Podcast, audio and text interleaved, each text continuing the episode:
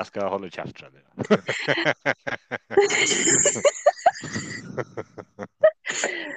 Be- Begynn på nytt, ja. Mm. Hei. klippe inn sånn bloopers etterpå? Ja, det er jo, jeg leste jo det på en sånn side at når du skal spille inn podkast, så ikke klipp bort alle bloopers, for at det var på en måte Det skulle være ekte. OK, nå begynner vi på ekte. Ja. Nå er ja, 1.42.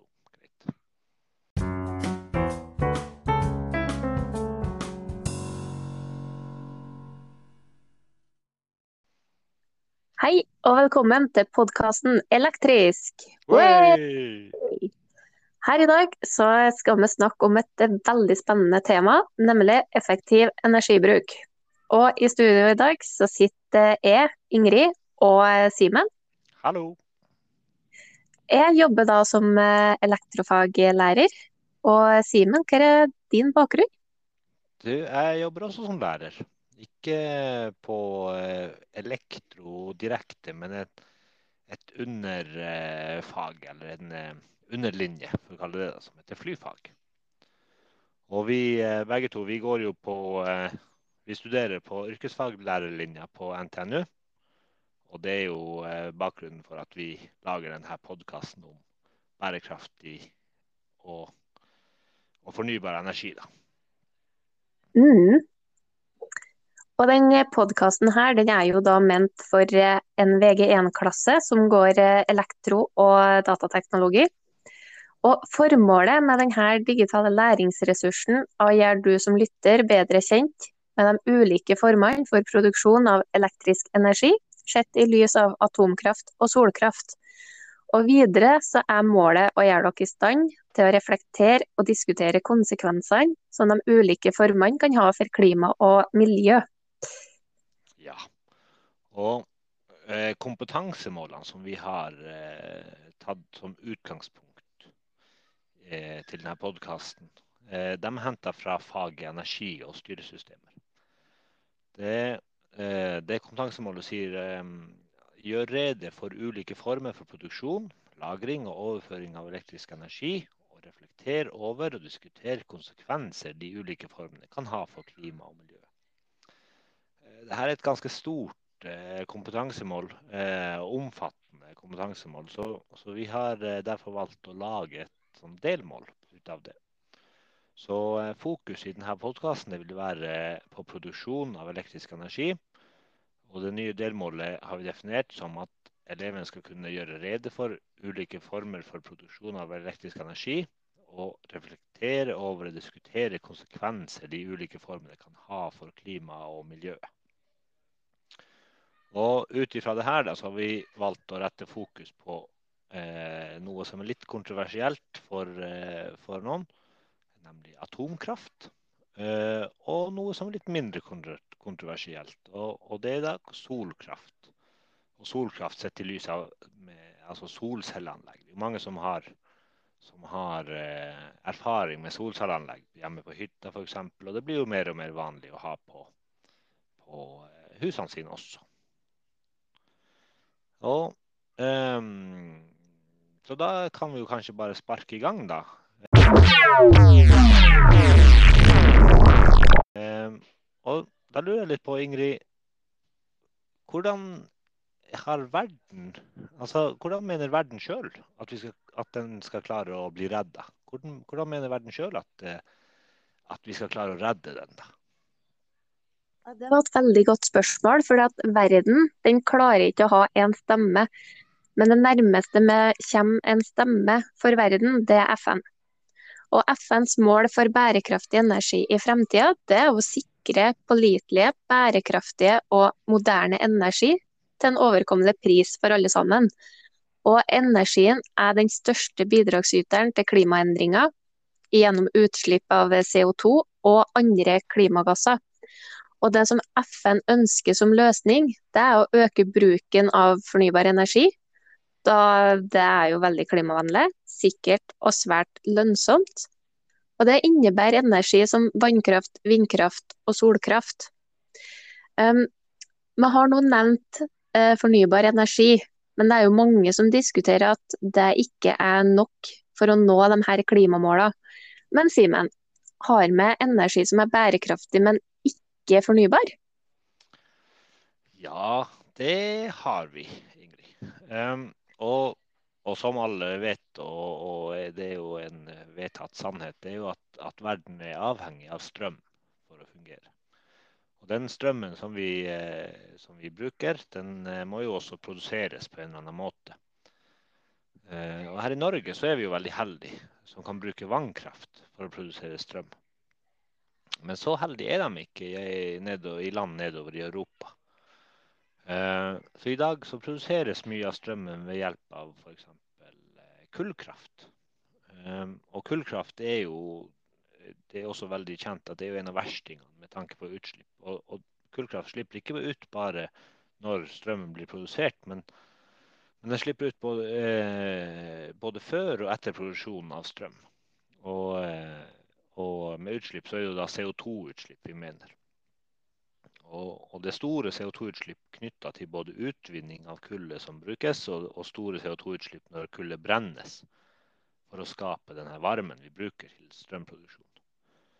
Um, så hvis verden skal nå klimamålene som er satt mot 2030, Eh, så er vi avhengig av å bruke en grønnere og mer, altså mer bærekraftige løsninger enn det som blir benytta i dag. Og da er vi eh, Det er nesten uunngåelig å, å, se bort ifra noe som er, som jeg nevnte i sted, ganske kontroversielt for mange, nemlig atomkraft.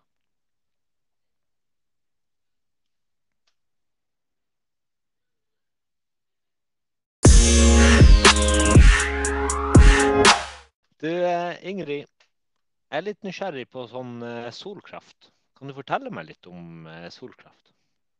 Selvfølgelig. Solkraft det betegner energi og produksjon av elektrisitet som fremkommer med at solenergien fanges og anvendes til fotovoltaisk produksjon, eller som varmeenergikilde for et termisk solkraftverk. Det er mange som betrakter solenergi som fremtidens energikilde, fordi den gir direkte eller indirekte grunnlag for all tilgjengelig energi vi har på jorda. Unntakene er kjerneenergi, geotermisk energi og tidevannsenergi.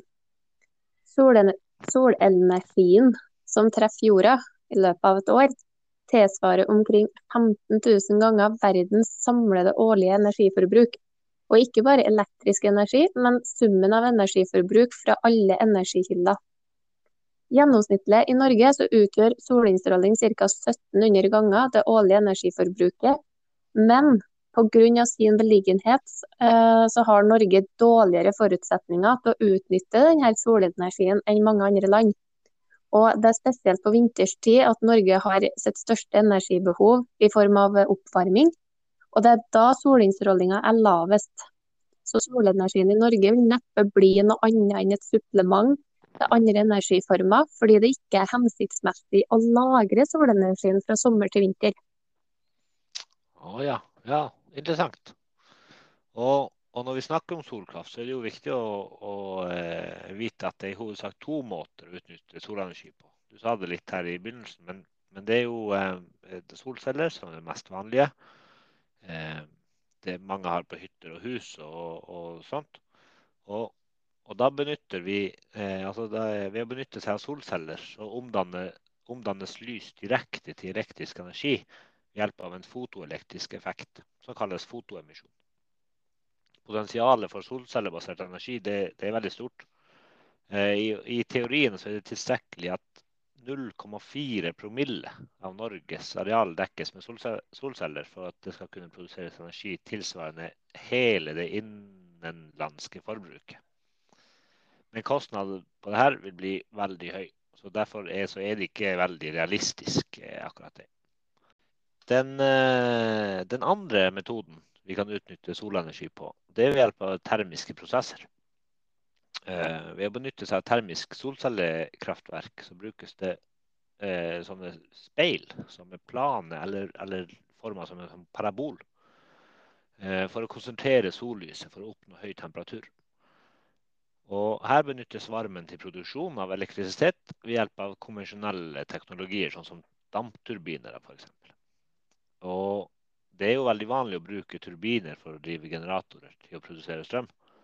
Det er akkurat det samme vi gjør i eh, f.eks. kullkraft eller atomkraft. Eh, der bruker vi også dampturbiner til å drive generatorer. Mm, det var veldig interessant at du sa. Eh, for jeg, da fikk jeg litt lyst til at du kanskje kan forklare litt mer rundt det med atomkraft? Å ja, gjerne, Ingrid. Eh, atomkraft er jo egentlig den reneste formen for energiproduksjon som vi har. Eh, prinsippet er, likt som, som jeg sa, som f.eks. kullkraftverk. Da, eh, eller et vannkraftverk, for den saks skyld. Der vi bruker vann som blir oppvarma til damp, for så å drive en turbin som igjen driver en generator.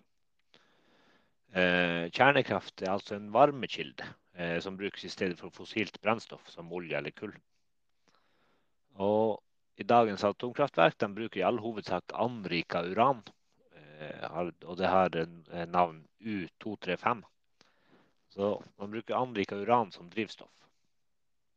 Eh, så når vi lager den energien eller strømmen med kjernekraft, så benytter vi kjernefysisk fisjon eller fusjon. Og det er, det er hva vi gjør med, med altså nøytronene inni. Det litt forskjellig det fisjon og fusjon, hva vi gjør med nøytronene. Og jeg skal først forklare eh, fisjonsmetoden. Og det er fisjonsmetoden som har blitt benytta i kjernekraftverk. Eh, og da, det foregår sånn at et nøytron skytes mot en urankjerne.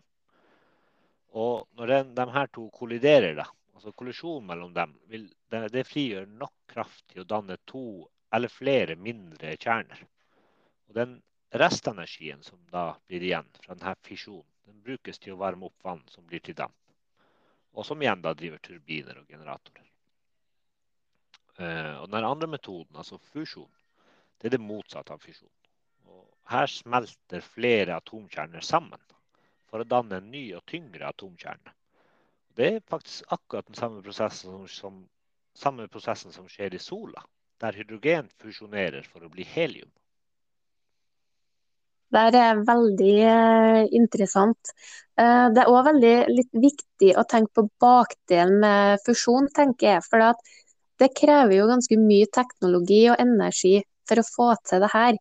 Eh, bare som et eksempel så må, ta, så må temperaturen i reaktoren holdes på 100 millioner grader celsius over tid for at eh, fusjonen skal finne sted.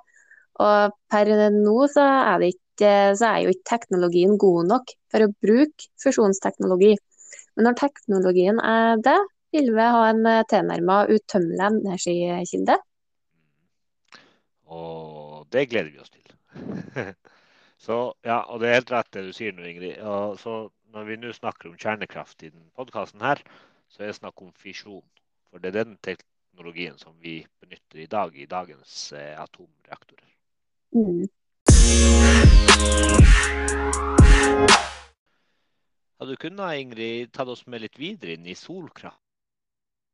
Eh, F.eks. hva er fordelene med solkraft? Jeg blir veldig glad når du spør om det, Simen. For eh, her har jeg jo kunnet sitte og snakke i det vide og det brede om fordeler. Men eh, jeg har da valgt ut fire fordeler som jeg vil eh, påstå er verdt å nevne for lytterne våre. Og den eh, første fordelen det er lønnsomt.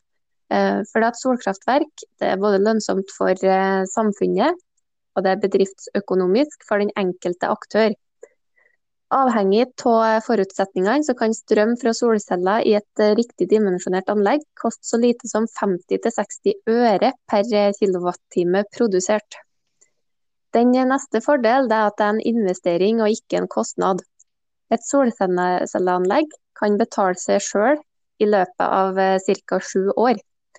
Typisk garanti for produksjon i solcellepanelet er 25 år, så det vil si at etter at panelet er nedbetalt, så vil de fortsette å generere nettoinntekter.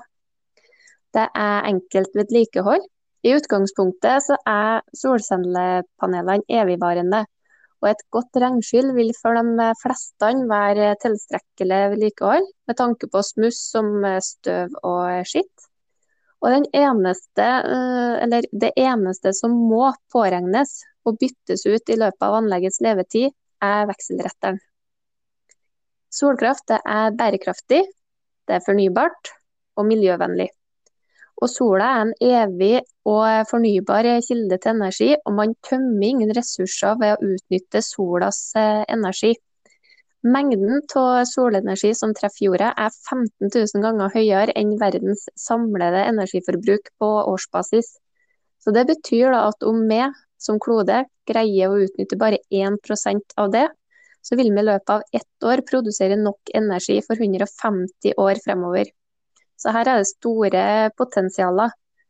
Solceller har jo ingen utslippsdrift, så det er en eh, energiform som eh, leveres på naturens eh, premisser.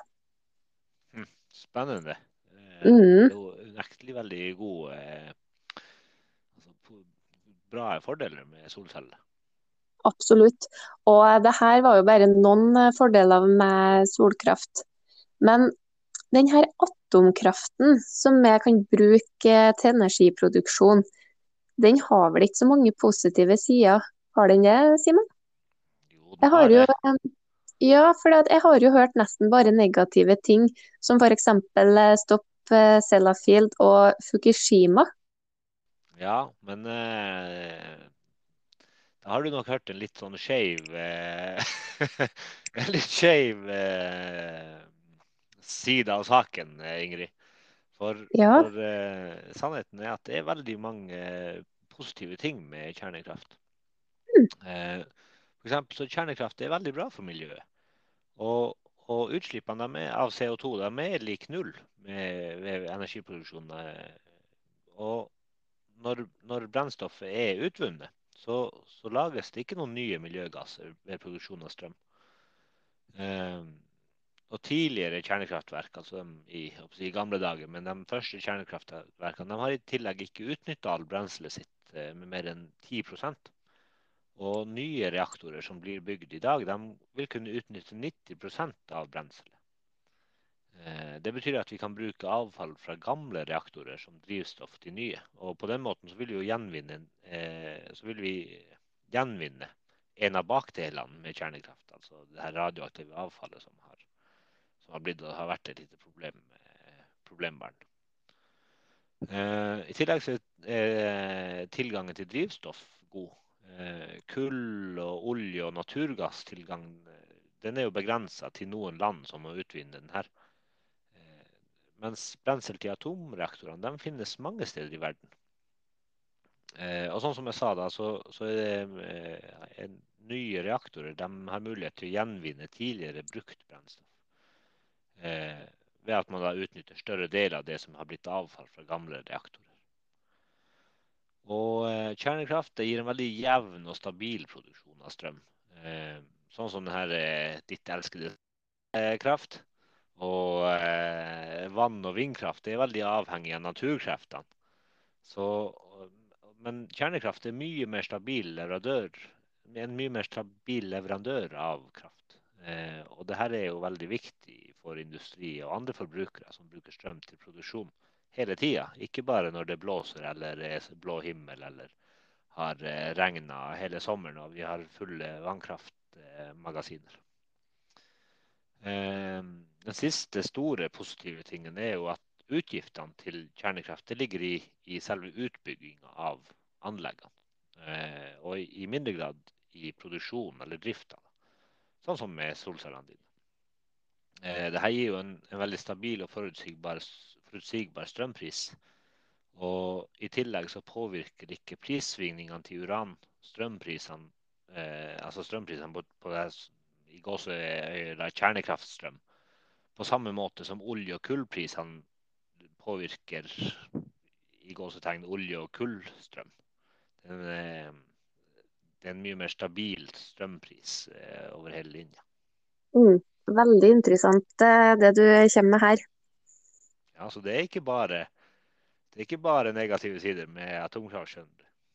Absolutt ikke. Nå har vi jo vært litt inn på eh, fordelene. Og eh, det er jo en del ulemper òg med de her energikildene. Og dem er det jo verdt å nevne, sånn at vi kan få et eh, litt mer nyansert bilde. Og, um, for det er jo ikke sånn at alt er rosenrødt. Og eh, først så tenkte jeg vi kunne snakke litt om ulempene med solkraft. Og det, ja, for det, det er mange fordeler med solkraft, men eh, det er òg noen ulemper. Og den første ulempen det er at det går på tilgjengelig strøm.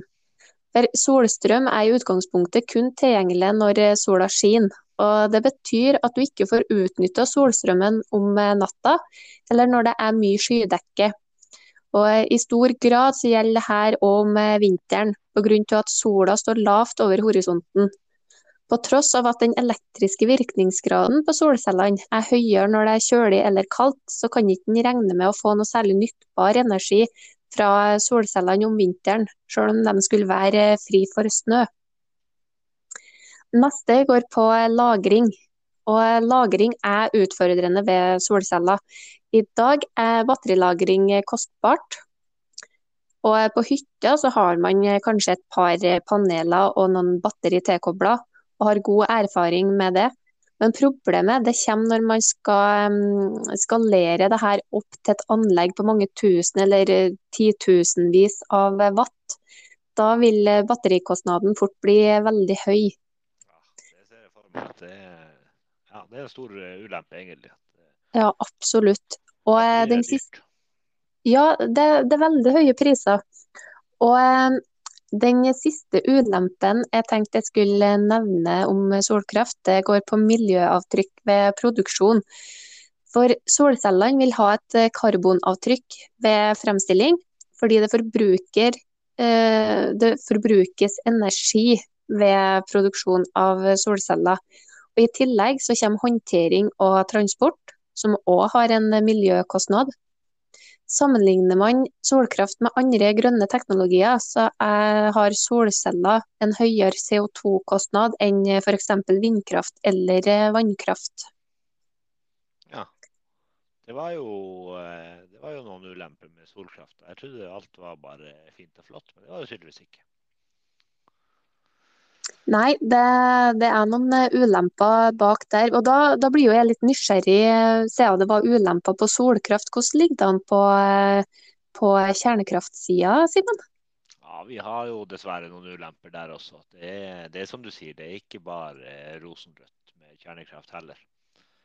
Og, og som du prata om, du om batterikostnader hos deg, og, og, men hos, på kjernekraft så er det også veldig dyrt å, å bygge de her kraftverkene.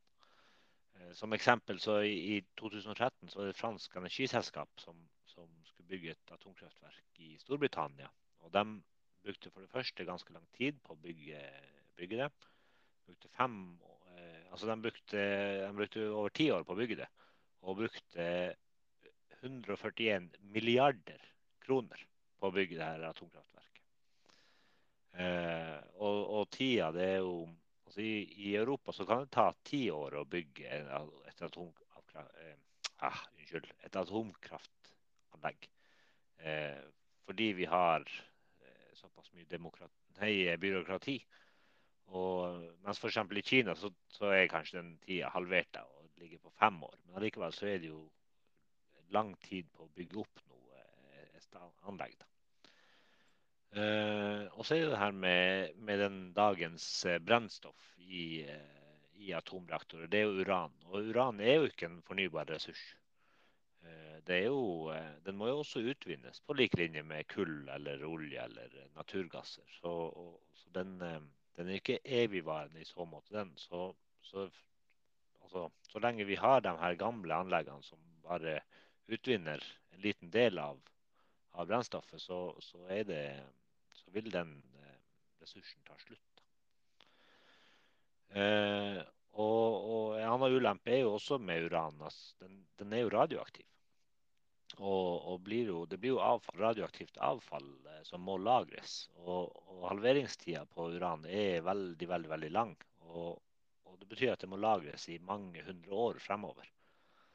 Eh, og det vil gi oss et lagringsproblem. Og i dag så finnes det faktisk ikke noen permanent løsning på det problemet. Vi har mange sånne midlertidig deponi for, for radioaktivt avfall. Og, men det er, jo, det er, jo, i produksjon, eller i hvert fall på planene, da, å, å, lage noe som er permanent. Og det går veldig mye på sånne lagringshaller mange hundre meter under bakken, eh, som man da sprenger igjen og, og eh, forsegler helt. Eh, men det er en ganske stor ulempe. Og, så den siste, ikke siste, da, men den som vi velger å ta med nå, og, og det er jo det her med altså altså her, Vi snakker om fisjonsteknologi og fusjon, fusjon og fisjon. da. Eh, og de her, den fusjonsreaksjonen som, som, hadde vært den aller beste å bruke, eh, den, eh, den, kan enda ikke brukes til å lage energi. Det er bare teknologi som er på forsøksstadiet fortsatt. Eh, og på den måten kan vi jo på en måte ikke regne med den eh, energiproduksjonen eh, enda da. Så det er, jo, det er jo fisjon vi må regne med foreløpig. Ja. Um, da har vi gått gjennom mye bra informasjon og spennende fakta synes jeg, om eh, sol og atomenergi. Så for å, liksom, for å uh, sette en avslutning på det her, uh, kunne du ha oppsummert litt sånn kjapt for oss, Ingrid, hva vi har snakka om? Selvfølgelig. Um, når det kommer til solkraft, så uh, kan vi jo si at sola er en verdifull energikilde for framtida. Og utsiktene for solenergi de er veldig lyse. Der er de En liten artig, artighet der. Fordi at bare de tre siste åra har prisen på solenergi halvert. Og i dag så står solenergi faktisk for rundt 1% av verdens energimiks. Og en liten kort oppsummering om atomkraft. Så kan vi jo si at har, atomkraft har sine bakdeler, men det er òg noen klare fordeler her. For så lenge vi klarer å unngå ulykker med atomkraft, så er det en viktig energikilde for framtida. Og for at vi skal nå FNs klimamål, så er det ikke mulig med bare rene fornybare energikilder. I hvert fall ikke med dagens eh, teknologier. Nei. Og må vi må huske på nå eh, at vi har bare så vidt toucha overflata når det kommer til bærekraftig og grønn energiproduksjon. Eh, med det vi har snakka om i dag da, i denne episoden. Og, eh, men vi håper jo at vi har, eh, at vi har vekka litt nysgjerrighet hos dere som hører på det her. Sånn at, sånn at dere sjøl kan dykke ned i den spennende tematikken da, som er grønn energiproduksjon. Det er jo veldig viktig for, for fremtida. Absolutt. Det skal være helt sikkert. Og vi håper jo at dette har gitt det som lytter litt mer ballast i form av kunnskap, sånn at du kan reflektere og diskutere de her ulike formene for energiproduksjon sammen med andre. Det håper vi. Mm -mm. Tusen takk for oss. Takk for oss, og ha det godt.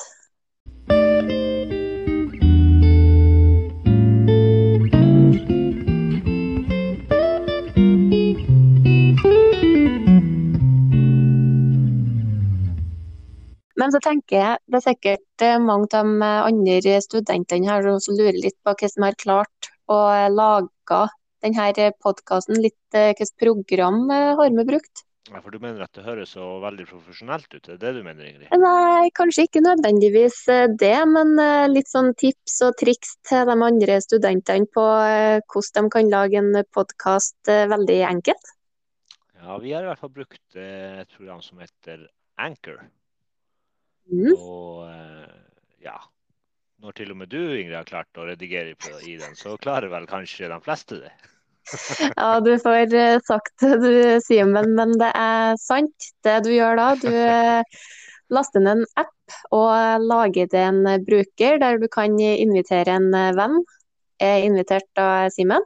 Og da blir det som en vanlig telefonsamtale der du snakker i telefon, og det blir gjort som du senere kan hente ut i biblioteket på appen på PC-en og redigere enkelt. Og Dette er da en gratis eh, app og er veldig oversiktlig og eh, grei å bruke.